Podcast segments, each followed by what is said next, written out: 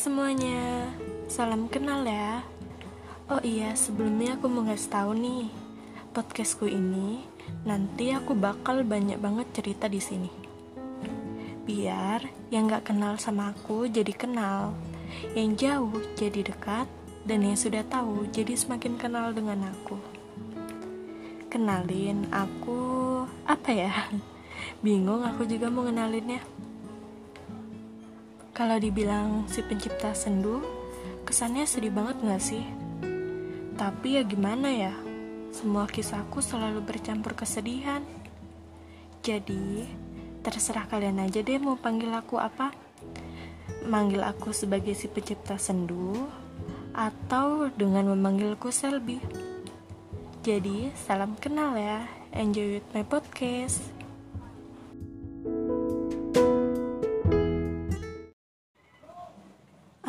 Nanya nih ke kalian. Kalian pernah gak sih ngerasa gak pantas buat suatu hal? Entah itu gak pantas buat bahagia, gak pantas buat sedih, atau yang lebih parahnya, ngerasa gak pantas buat seseorang. Kalau menurutku, orang yang ngerasa nggak pantas buat bahagia itu justru orang yang paling sering merasakan kesedihan. Kisah hidupnya jarang sekali ditemani kebahagiaan. Jadi, saat dia mengalami kebahagiaan, pasti ia merasa seperti kebahagiaan ini sesuatu yang gak mungkin baginya. Nah, untuk pernyataan yang kedua tentang orang yang ngerasa gak pantas buat sedih. Menurutku sih, orang yang gak pantas buat sedih itu justru orang yang paling sedih.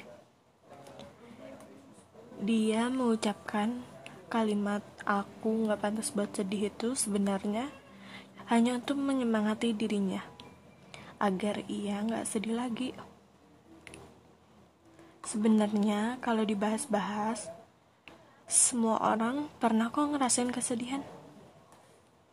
Kesedihan juga menurutku hal yang wajar dan juga harus dinikmati. Nah, sekarang pernyataan yang ketiga ya. Ngerasa gak pantas buat seseorang.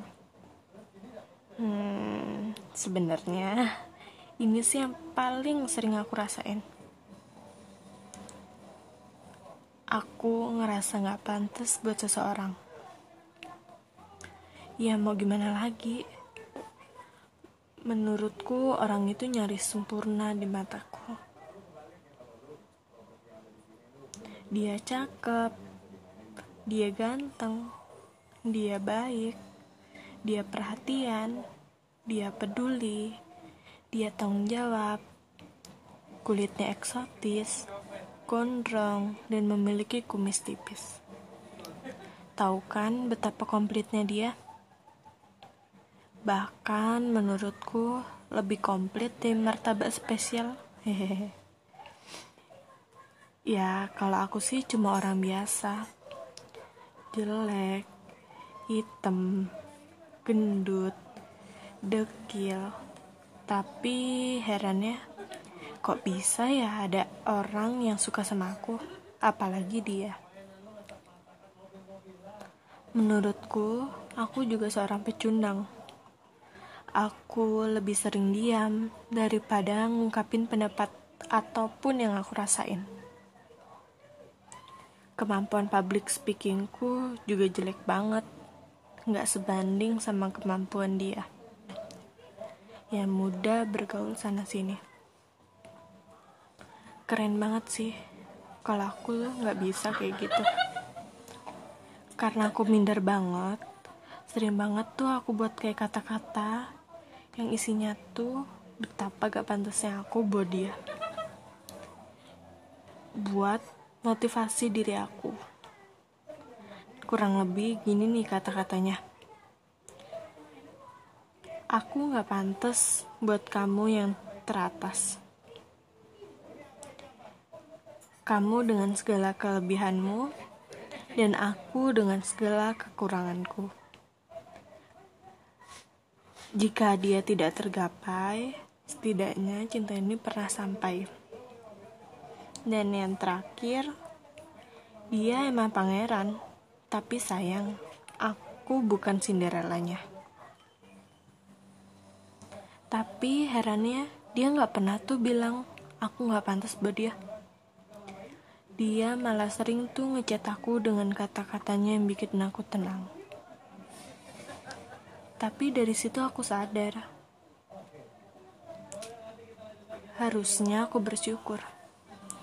Karena dia bisa ngeliat sesuatu yang ada dalam diriku yang orang lain gak pernah tahu. Dan dari situ aku sadar, aku salah. Sebenarnya, ketidakpantasan itu tidak bisa dilihat dari satu sisi saja. Mungkin di sudut pandang orang lain, kita pantas buat dia. Jadi, buat kalian yang sering ngerasa gak pantas buat suatu hal, kalian harus banyak-banyak bersyukur lagi ya.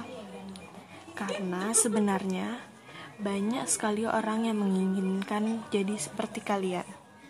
Semangat!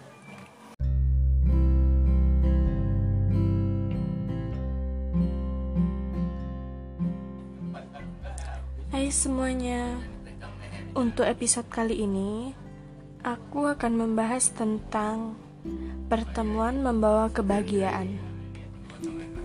Mungkin dari kalian juga banyak yang ngerasain hal yang sama denganku, yaitu tentang sebuah pertemuan yang selalu kuanggap sepele. Orang yang sebelumnya sama sekali gak aku kenal di sini aku nggak akan ngeceritain semua kisahku. Tapi aku cuma mau bilang, aku bingung dengan alur ini. Alur yang begitu aneh. Tapi aku juga begitu tertarik dan tetap menikmatinya. Kalian pernah nggak sih nggak ngeharapin suatu hal dari sebuah perkenalan? Perkenalan dengan sebatas pesan pendek yang justru sekarang orang itu menjadi bagian dalam hidup kalian. Iya, aku sadar ini salahku. Salahku yang selalu menganggap orang yang datang ke hidup aku itu sama. Aku yang jarang keluar rumah. Aku yang gak pernah ketemu orang sehebat kamu. Berbulan-bulan kita nggak pernah menyapa satu sama lain. Berbulan-bulan kita berkomunikasi hanya melalui pesan online. Berbulan-bulan pula kita saling melempar senyum secara diam-diam. Dan saat itulah aku menyadari, aku mulai nyaman denganmu tanpa perasaan apa pun. Iya, iya, aku ngaku. Aku udah terhipnotis semua pesan-pesan singkat darimu. Pesan yang setiap hari menemani hari-hariku. Pesan dengan kata-kata indah darimu. Yap, itu emang sungguh membahagiakan pada waktunya.